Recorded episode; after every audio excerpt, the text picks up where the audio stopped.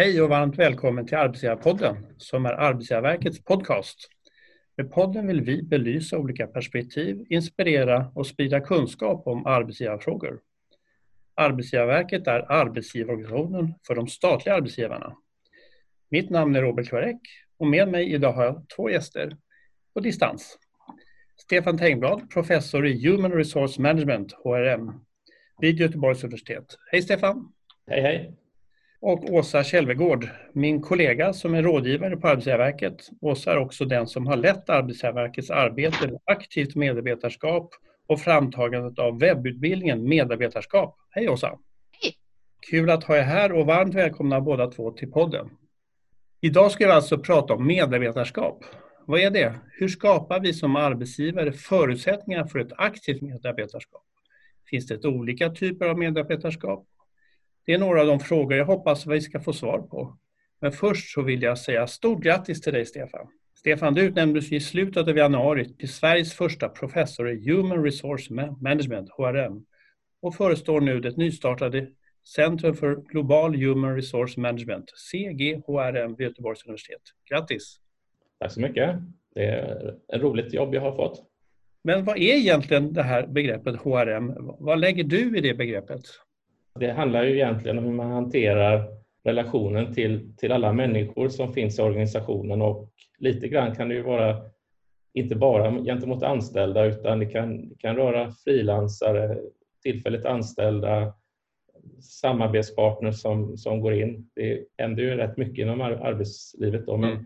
framförallt så tänker vi oss personer då som har fått en anställning och som ska göra ett produktivt arbete och förhoppningsvis under en lång tidsperiod. Då. Så alla praktiker och aktiviteter runt den anställningsrelationen är Human Resource Management.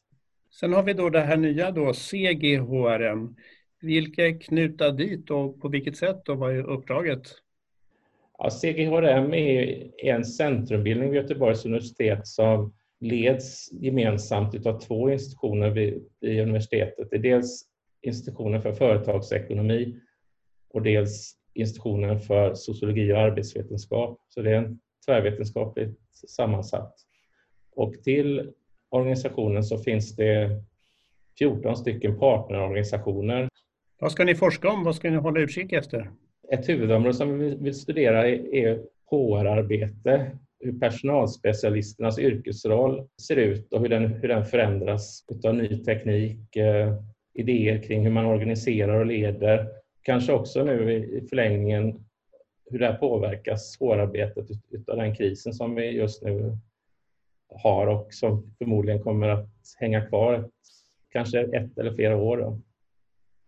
Strategier kring, kring Human Resource Management som man utvecklar som är kopplat till organisationens uppdrag och strategi då, och hur man länkar samman det till, till aktiviteter som, som stödjer den här övergripande implementeringen då och eh, titta på, på olika organisationer hur man, hur man jobbar med det och hur, hur HR kan spela en aktiv roll också i utvecklandet av organisationens övergripande strategier. Då.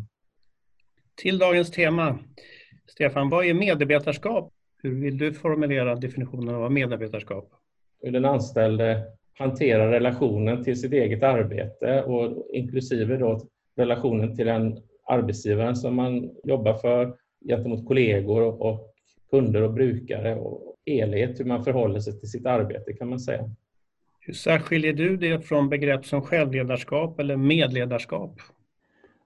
Ja, självledarskap och medledarskap de är väl kanske lite mer avgränsade, fokuserade på, på och kanske på en viss typ av medarbetarskap. Då, som med medledarskapet så, så är det ett sånt där man är väldigt aktiv när det gäller engagerande, när det gäller beslutsfattande och initiativtagande och att man samverkar väldigt mycket med, med sin chef.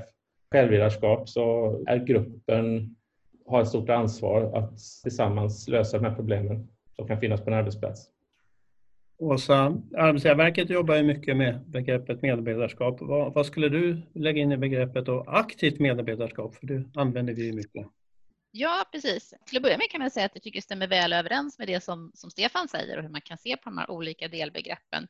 Och det vi har sagt att vi menar med ett aktivt medarbetarskap från Arbetsverkets sida, det är att medarbetarna har och tar ansvar för sitt arbete och bidrar till verksamhetens utveckling. Och det förutsätter ju i sin tur att man också har engagerade ledare som styr genom värderingar och mål.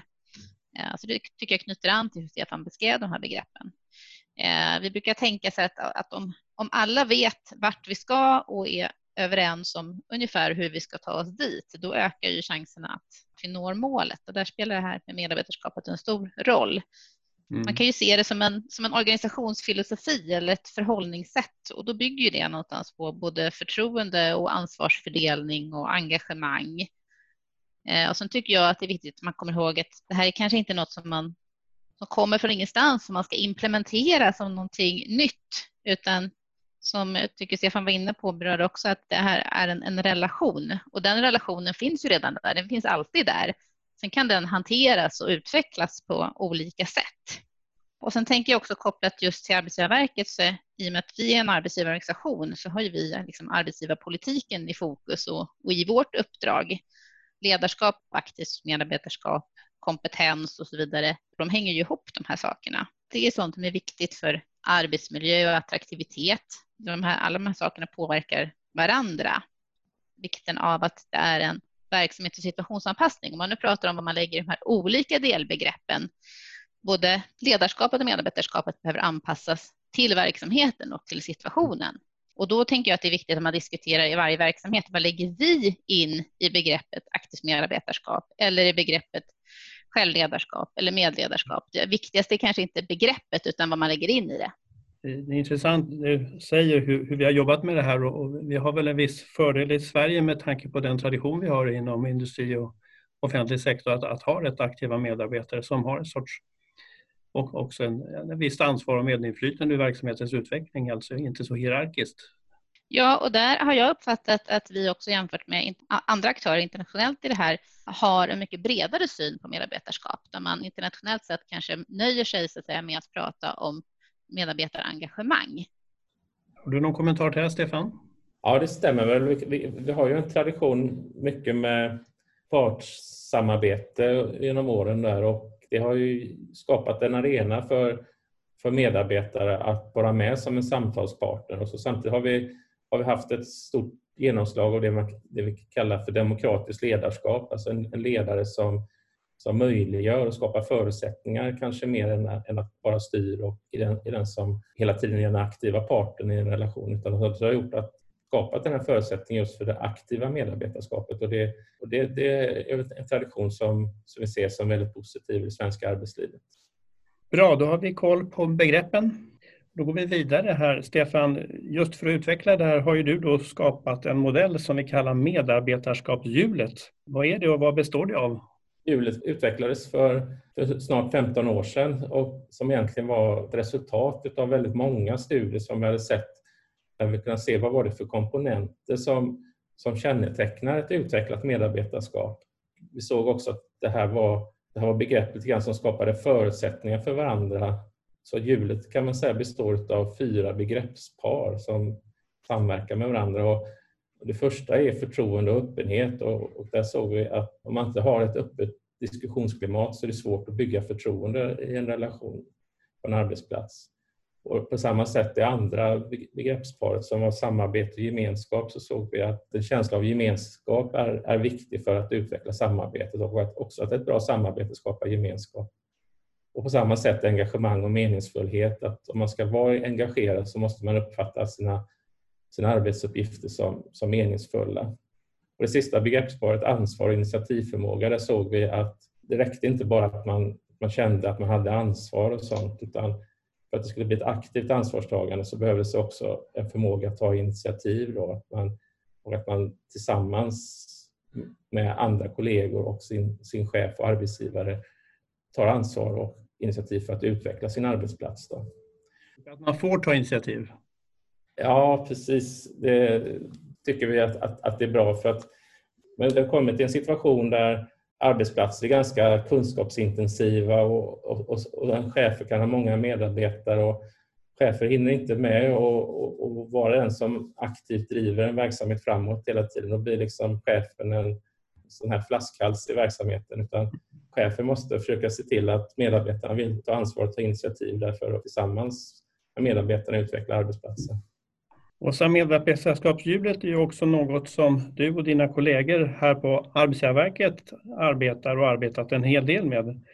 Ja, men det stämmer. Det har vi gjort sedan flera år tillbaka i olika former i projekt som vi har haft kring medarbetarskap. Och vi har ju också haft eh, förmånen att ha en av dina kollegor, Stefan Thomas Andersson, med oss i flera sammanhang. Och han har ju också väldigt kort, vet jag, berört medarbetarskapshjulet i vår allra första arbetsgivarpoddsavsnitt. Vi är övertygade om att eh, statliga ledare som är tydliga arbetsgivarföreträdare skapar bra förutsättningar för ett aktivt medarbetarskap. Och just det här att då tillsammans med medarbetarna kunna driva verksamhetens utveckling. Och att i och med det så kan vi få effektiva, välmående statliga verksamheter. Och för att stötta arbetsgivarna med en sån utveckling då, så har vi tagit fram en webbutbildning. Medarbetarskap är ju en del i den gemensamma målbilden kring ledarskap som de statliga arbetsgivarna jobbar med. Medarbetarskapshjulet är en välkänd och beprövad modell till stöd för den här utvecklingen.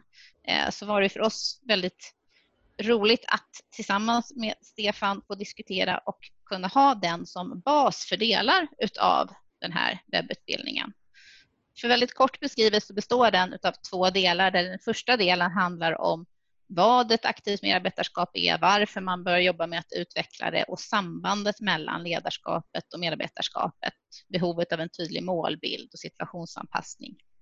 Och I del två så utgår vi då ifrån medarbetarskapshjulet och dess olika delar och vad man i verksamheten behöver tänka på för att få till en sån här utveckling i linje med det stöd som hjulet kan utgöra. Vad tror du, Stefan, på vilket sätt kan man, ska man då använda medarbetarskapshjulet som stöd i arbetet just när man operativt arbetar med att utveckla medarbetarskaps, medarbetarskapet? Så att det är en del av verkligheten och inte bara en, en, en vacker teori.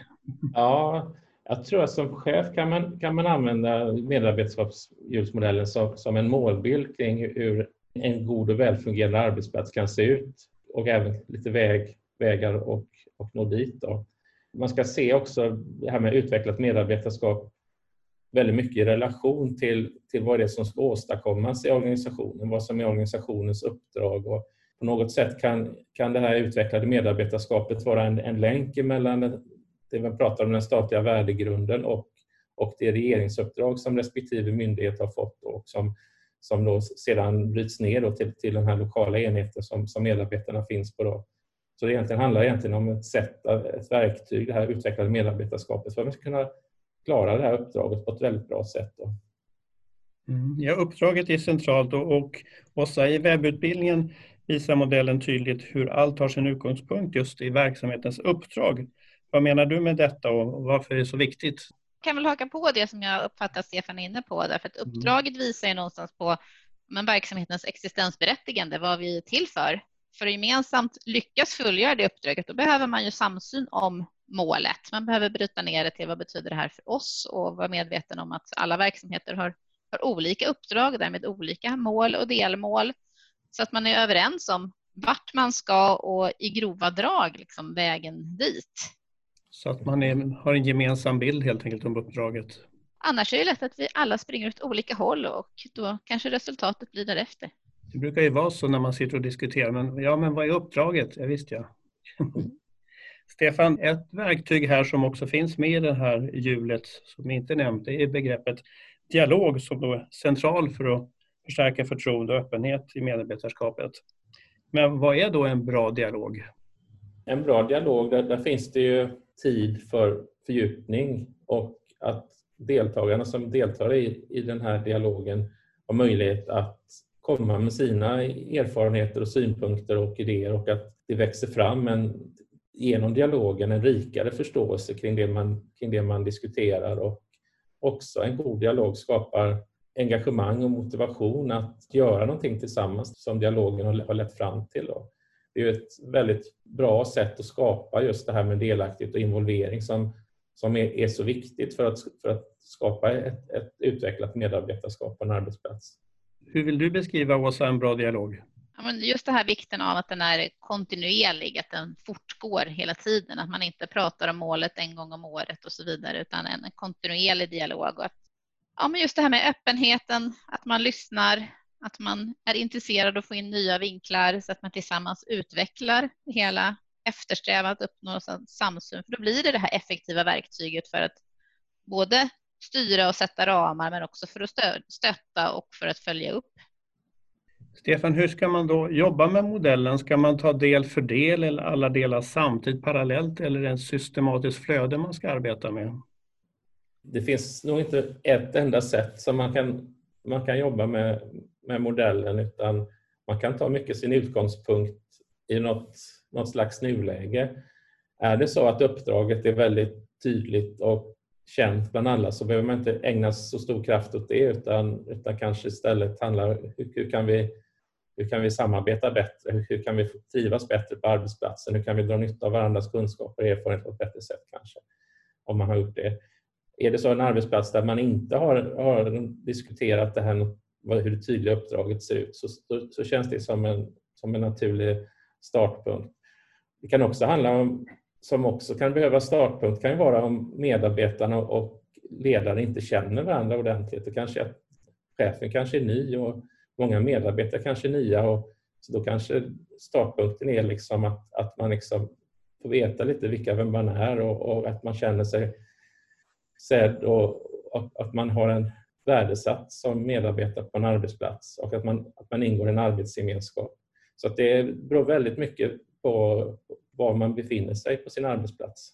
Jo, för hjulet ser inte riktigt ut som en sorts flödeshjul, så att säga, en sorts process, utan olika faktorer som ska finnas för att det ska fungera. Det är så man kan beskriva det. När det finns det engagemanget och ansvarstagandet så skapar det förtroende för varandra och, och, och, för sin verksamhet och man känner tillit för varandra i och med att man har kollegor som, som tar ansvar. Det handlar om att skapa positiva utvecklingscirklar på arbetsplatsen och att låta alla goda krafter verka tillsammans här för, ett, för det här gemensamma målet som man har. Jo, men jag håller med om vikten av att få till den där självförstärkande processen så att man inte går i fällan och tänker sig att ja, men vi jobbar med ansvar. Att man väljer ett ord ur den här modellen. För att jobbar man med, med en liten del och inte med resten, då är det svårt att få till den här självförstärkande processen som det kan utgöra det är jätteviktigt det här som du säger Stefan, att utgå ifrån nuläget och det som jag tidigare nämnde som någon slags situationsanpassning också. I eh, webbutbildningen där så pratar vi utifrån din litteratur Stefan om det här med följsamt, specialiserat, initiativrikt och gränsöverskridande medarbetarskapet. Det kan vara olika typer av medarbetarskap som behövs i olika situationer. Det är ju en poäng just att medarbetarskapet ser ju inte alltid lika ut och det kan också bero på att verksamheten är så väldigt olika så att frågan hur, hur det kan se ut. Man kan ju i en och samma yrkesroll ha situationer där man ibland ska följa en specifik detaljerad arbetsinstruktion och det kräver en form av medarbetarskap. Mm. Sen i nästa eh, stund så kanske jag ska ställas inför helt nya utmaningar som kräver att vi kommer på helt nya arbetssätt och det kräver ett annan typ av medarbetarskap. Så det kan vara olika i en och samma arbetsroll så att säga medarbetarskap, det, det är liksom inte något, något, sånt där trollspö som man bara säger liksom nu, nu gör vi det här. Utan medarbetarskap handlar också utifrån både från en chef och ett ledarperspektiv att vi, att vi tar ansvar för att, för att den här verksamheten som vi, som vi jobbar på är, är viktig och meningsfull för oss och att vi vill att den ska bli bättre. Mm. Och att vi ska liksom kunna växa och utvecklas i, i våra roller att vi inte ser det här som någonting statiskt, de här arbetsprocesserna som vi har nu, utan någonting som, som går att utveckla och, förbättra. Det går att ha roligt på jobbet, det här, de här sakerna. Det här, det här gör vi för att det är en, också lustfyllt, att vi, att vi har meningsfulla arbetsuppgifter som vi känner glädje och stolthet över. Och då har vi en central roll vad gäller ledarskapet här. Så hur hänger medarbetarskap ihop med ledarskap? Vad behöver arbetsgivarföreträdare tänka på och göra för att skapa förutsättningar för ett aktivt medarbetarskap. Det här kommunikativa ledarskapet är oerhört viktigt. Att det är ledare som känner sig trygga i sin egen ledarroll, vågar bjuda in på diskussioner, ibland kanske även prata om sånt som kan vara svårt och, och eh, kännas lite utmanande för chefen att, att man börjar, börjar diskutera. Att man vågar liksom släppa lite på garden och, eh, och verkligen kunna lyssna och ta till sig där och, eh, och, och försöka föra den här processen lite framåt. Det här handlar ju inte om att, om att chefen ska vara den som, som ska vara klokast och, och bäst på allting och kunna fatta alla kloka beslut utan, utan det här handlar ju om att dra nytta av, av gruppens samlade styrka. Och det, är väl ett viktigt sätt också att jag som medarbetare vet vilket mandat, vilken ram jag är, var jag befinner mig helt enkelt. Där har ju chefen ett ansvar, men kanske också hela ledningen och från HR-avdelningen så säga liksom det finns några yttre ramar för verksamheten som man måste hålla sig till och utifrån den utveckla sitt uppdrag. Och, och de, de ramarna behöver, är ju bra att de är tydliggjorda. Det, det är inte så att varje chef ska, ska skapa sina egna ramar på alla olika arbetsplatser i diskussion med sina medarbetare utan måste utgå från det som något som är gemensamt och delat för organisationen. Åsa, vad säger du? Tänker du på något mer när det gäller hur arbetsgivare ska skapa förutsättningar för ett aktivt medarbetarskap och för ledarskapet? Men just de här ramarna som Stefan är inne på här tycker jag är viktiga och det, är ju ett exempel på det här med hur, hur ledaren behöver skapa rätt förutsättningar för att aktiva medarbetarskapet ska kunna utvecklas och att man kommer ihåg det här med att ledarskapet och medarbetarskapet är ju liksom två sidor av samma mynt. De måste utvecklas i takt med varandra och stötta varandra. Jag tänker återigen på det här med, med dialogen, för det är ju ett sätt också att både e-, erbjuda och säkra delaktigheten. Det är ju, den är ju liksom en förutsättning för att medarbetarna ska kunna komma in och ta det här aktiva ansvaret och, och utvecklingen inom de ramarna som ledaren sätter. Det finns ju saker runt omkring som påverkar. Relationer, samarbeten i övrigt eller strukturella faktorer. Vad har vi för verktyg och metoder när vi arbetar? Och kulturella faktorer. Hur ser vår historia och kultur ut? där kan ju chefen behöva både stötta eller faktiskt ibland också undanröja eventuella hinder. Man kanske behöver tillhandahålla ett visst tekniskt stöd för hjälp att det här ska kunna utvecklas på rätt sätt eller sätta samman arbetsgrupper eller sådana saker. Och där, där blir ledarens roll viktig på ett annat sätt. Nu ska vi bli lite mer konkreta och få ta del av era tips och råd på hur man kan få till den här självgående utvecklingsprocessen som medarbetarskapshjulet kan utgöra stöd för. Stefan, vilka konkreta exempel och tips skulle du vilja ge till statliga myndigheter som vill utveckla sitt aktiva medbestämmandeskap? att skapa förmåga att, att se den medarbetaren som en unik individ som har ett engagemang och, och en vilja att bidra till att, till att göra en utveckling. Och mycket handlar om att lära känna och förstå den medarbetaren och att den medarbetaren känner att den får vara med här och vara med och medskapa arbetsplatsen här. Mycket handlar kring det att man som chef tar sig tid att prata lite regelbundet med medarbetaren. Det kan vara fem minuter då och fem minuter då så att man liksom har en bild om hur uppfattar medarbetaren sin arbetssituation och är det någonting som jag som chef kan, kan göra för att stötta den här medarbetaren att göra ett ännu bättre arbete. Åsa, vad säger du, har du tre konkreta tips som du vill dela med dig om man, hur man ska utveckla det aktiva medarbetarskapet? Det är svårt att välja. Jag tror att det blir bättre effekt om man arbetar med många små steg samtidigt och gärna kopplat till hjulets olika delar om man nu vill utgå från hjulet som stöd. Och det tänker jag eftersom, som jag nämnde tidigare, här, medarbetarskapet är ju en relation som alltid finns där och det handlar om att utveckla det åt det håll som verksamheten behöver. Inte om att liksom implementera något helt nytt som man sen kan bocka av att det är gjort och klart och ge sig på nästa sak på checklistan.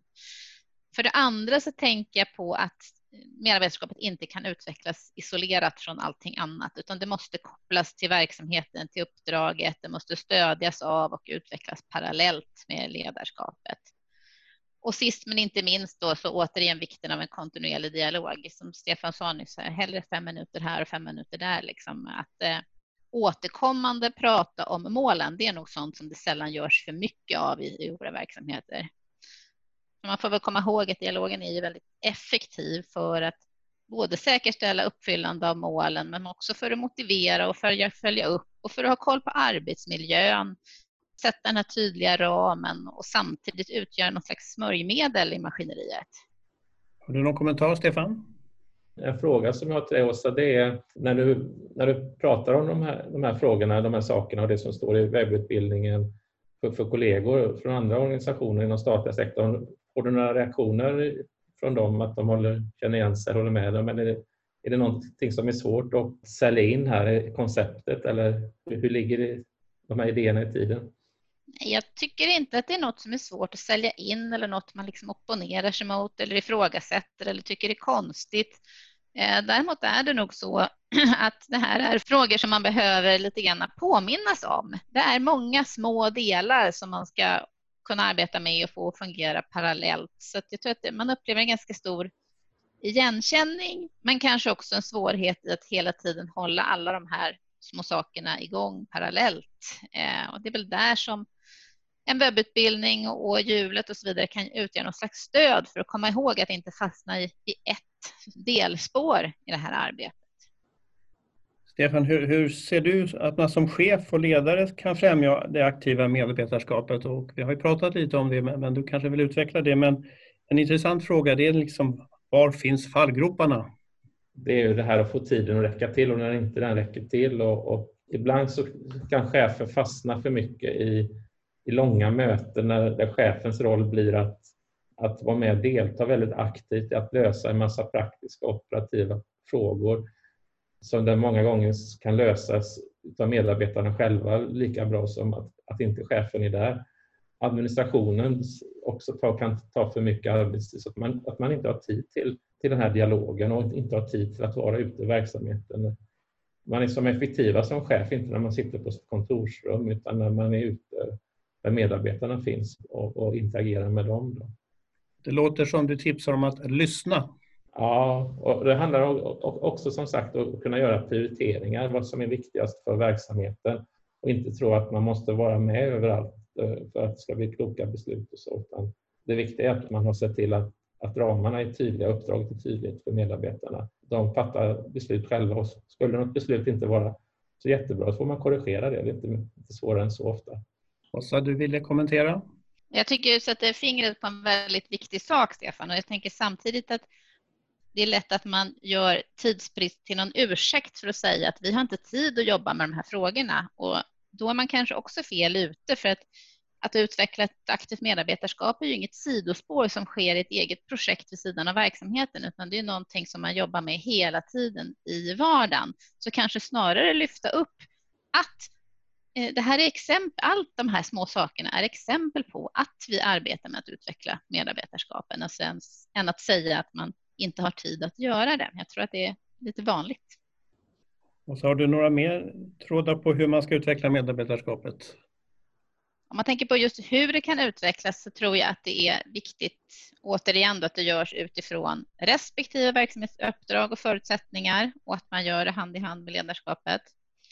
Eh, och här hoppas vi att webbutbildningen kan vara ett bra stöd och då vill jag faktiskt passa på att göra lite reklam för den andra webbutbildningen vi har i det här sammanhanget. För vi har också en webbutbildning som heter Ledare i staten och som vänder sig just till alla som har någon slags ledarroll eh, med eller utan personalansvar. Och då tänker vi att då kan det vara bra att ta del av den också om man har en sån roll i och med att det här behöver utvecklas tillsammans. Stefan, finns det något som du ser utmärka de statliga verksamheterna när det gäller medarbetarskap som kanske skiljer sig från privata aktörer av olika slag? Det kan vara ideella organisationer eller privata företag. Något som vi i staten kanske är extra bra på, några särskilda utmaningar eller särskilda förutsättningar eller kanske särskilda verktyg som vi har eller inte har? Ja, det finns, tycker jag, någon slags på många håll fortfarande ett, ett slags ämbetsmannaetos, att man jobbar för, för samhällets bästa och utveckling som skapar ett stort engagemang på många håll som är, som är väldigt positivt och uppfattar liksom när man träffar företrädare för den statliga sektorn så brukar de ofta vara, vara väl inlästa på olika frågor och, och intresserade och engagerade vad som händer i omvärlden och så. Och eh, också kan vara ganska bra på att hantera många olika perspektiv. Då om man ska lyfta fram något som man kan bli bättre på så tror jag att det handlar inte bara om att låta medarbetarskap vara en, vara, vara en fråga för, för chefen och medarbetarna utan att det också krävs ett, behovet av ett engagemang på alla nivåer i organisationen, i synnerhet på organisationsledningen. Då, att man, att man liksom pratar om de här frågorna regelbundet och man ger, man ger cheferna utbildning och stöd i hur man, ska, hur man ska kunna jobba med medarbetarskapet på ett aktivt sätt. Låta medarbetarna vara delaktiga i beslutsfattandet är någonting som en del av organisationsfilosofin. Då. Åsa, den här webbutbildningen medarbetarskap som Arbetsgivarverket tagit fram, varför ska man gå den och, och vad heter den? Jo, men vi vill ju ha statliga verksamheter som är effektiva, välmående och hållbara.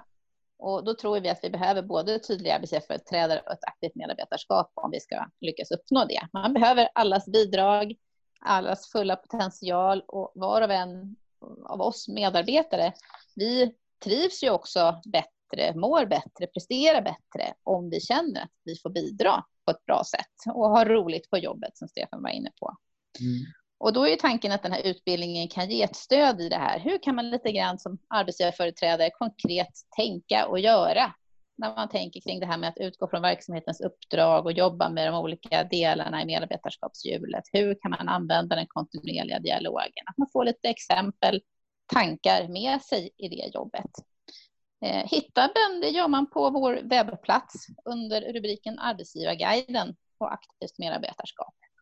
Och vilka tycker du bör gå utbildningen?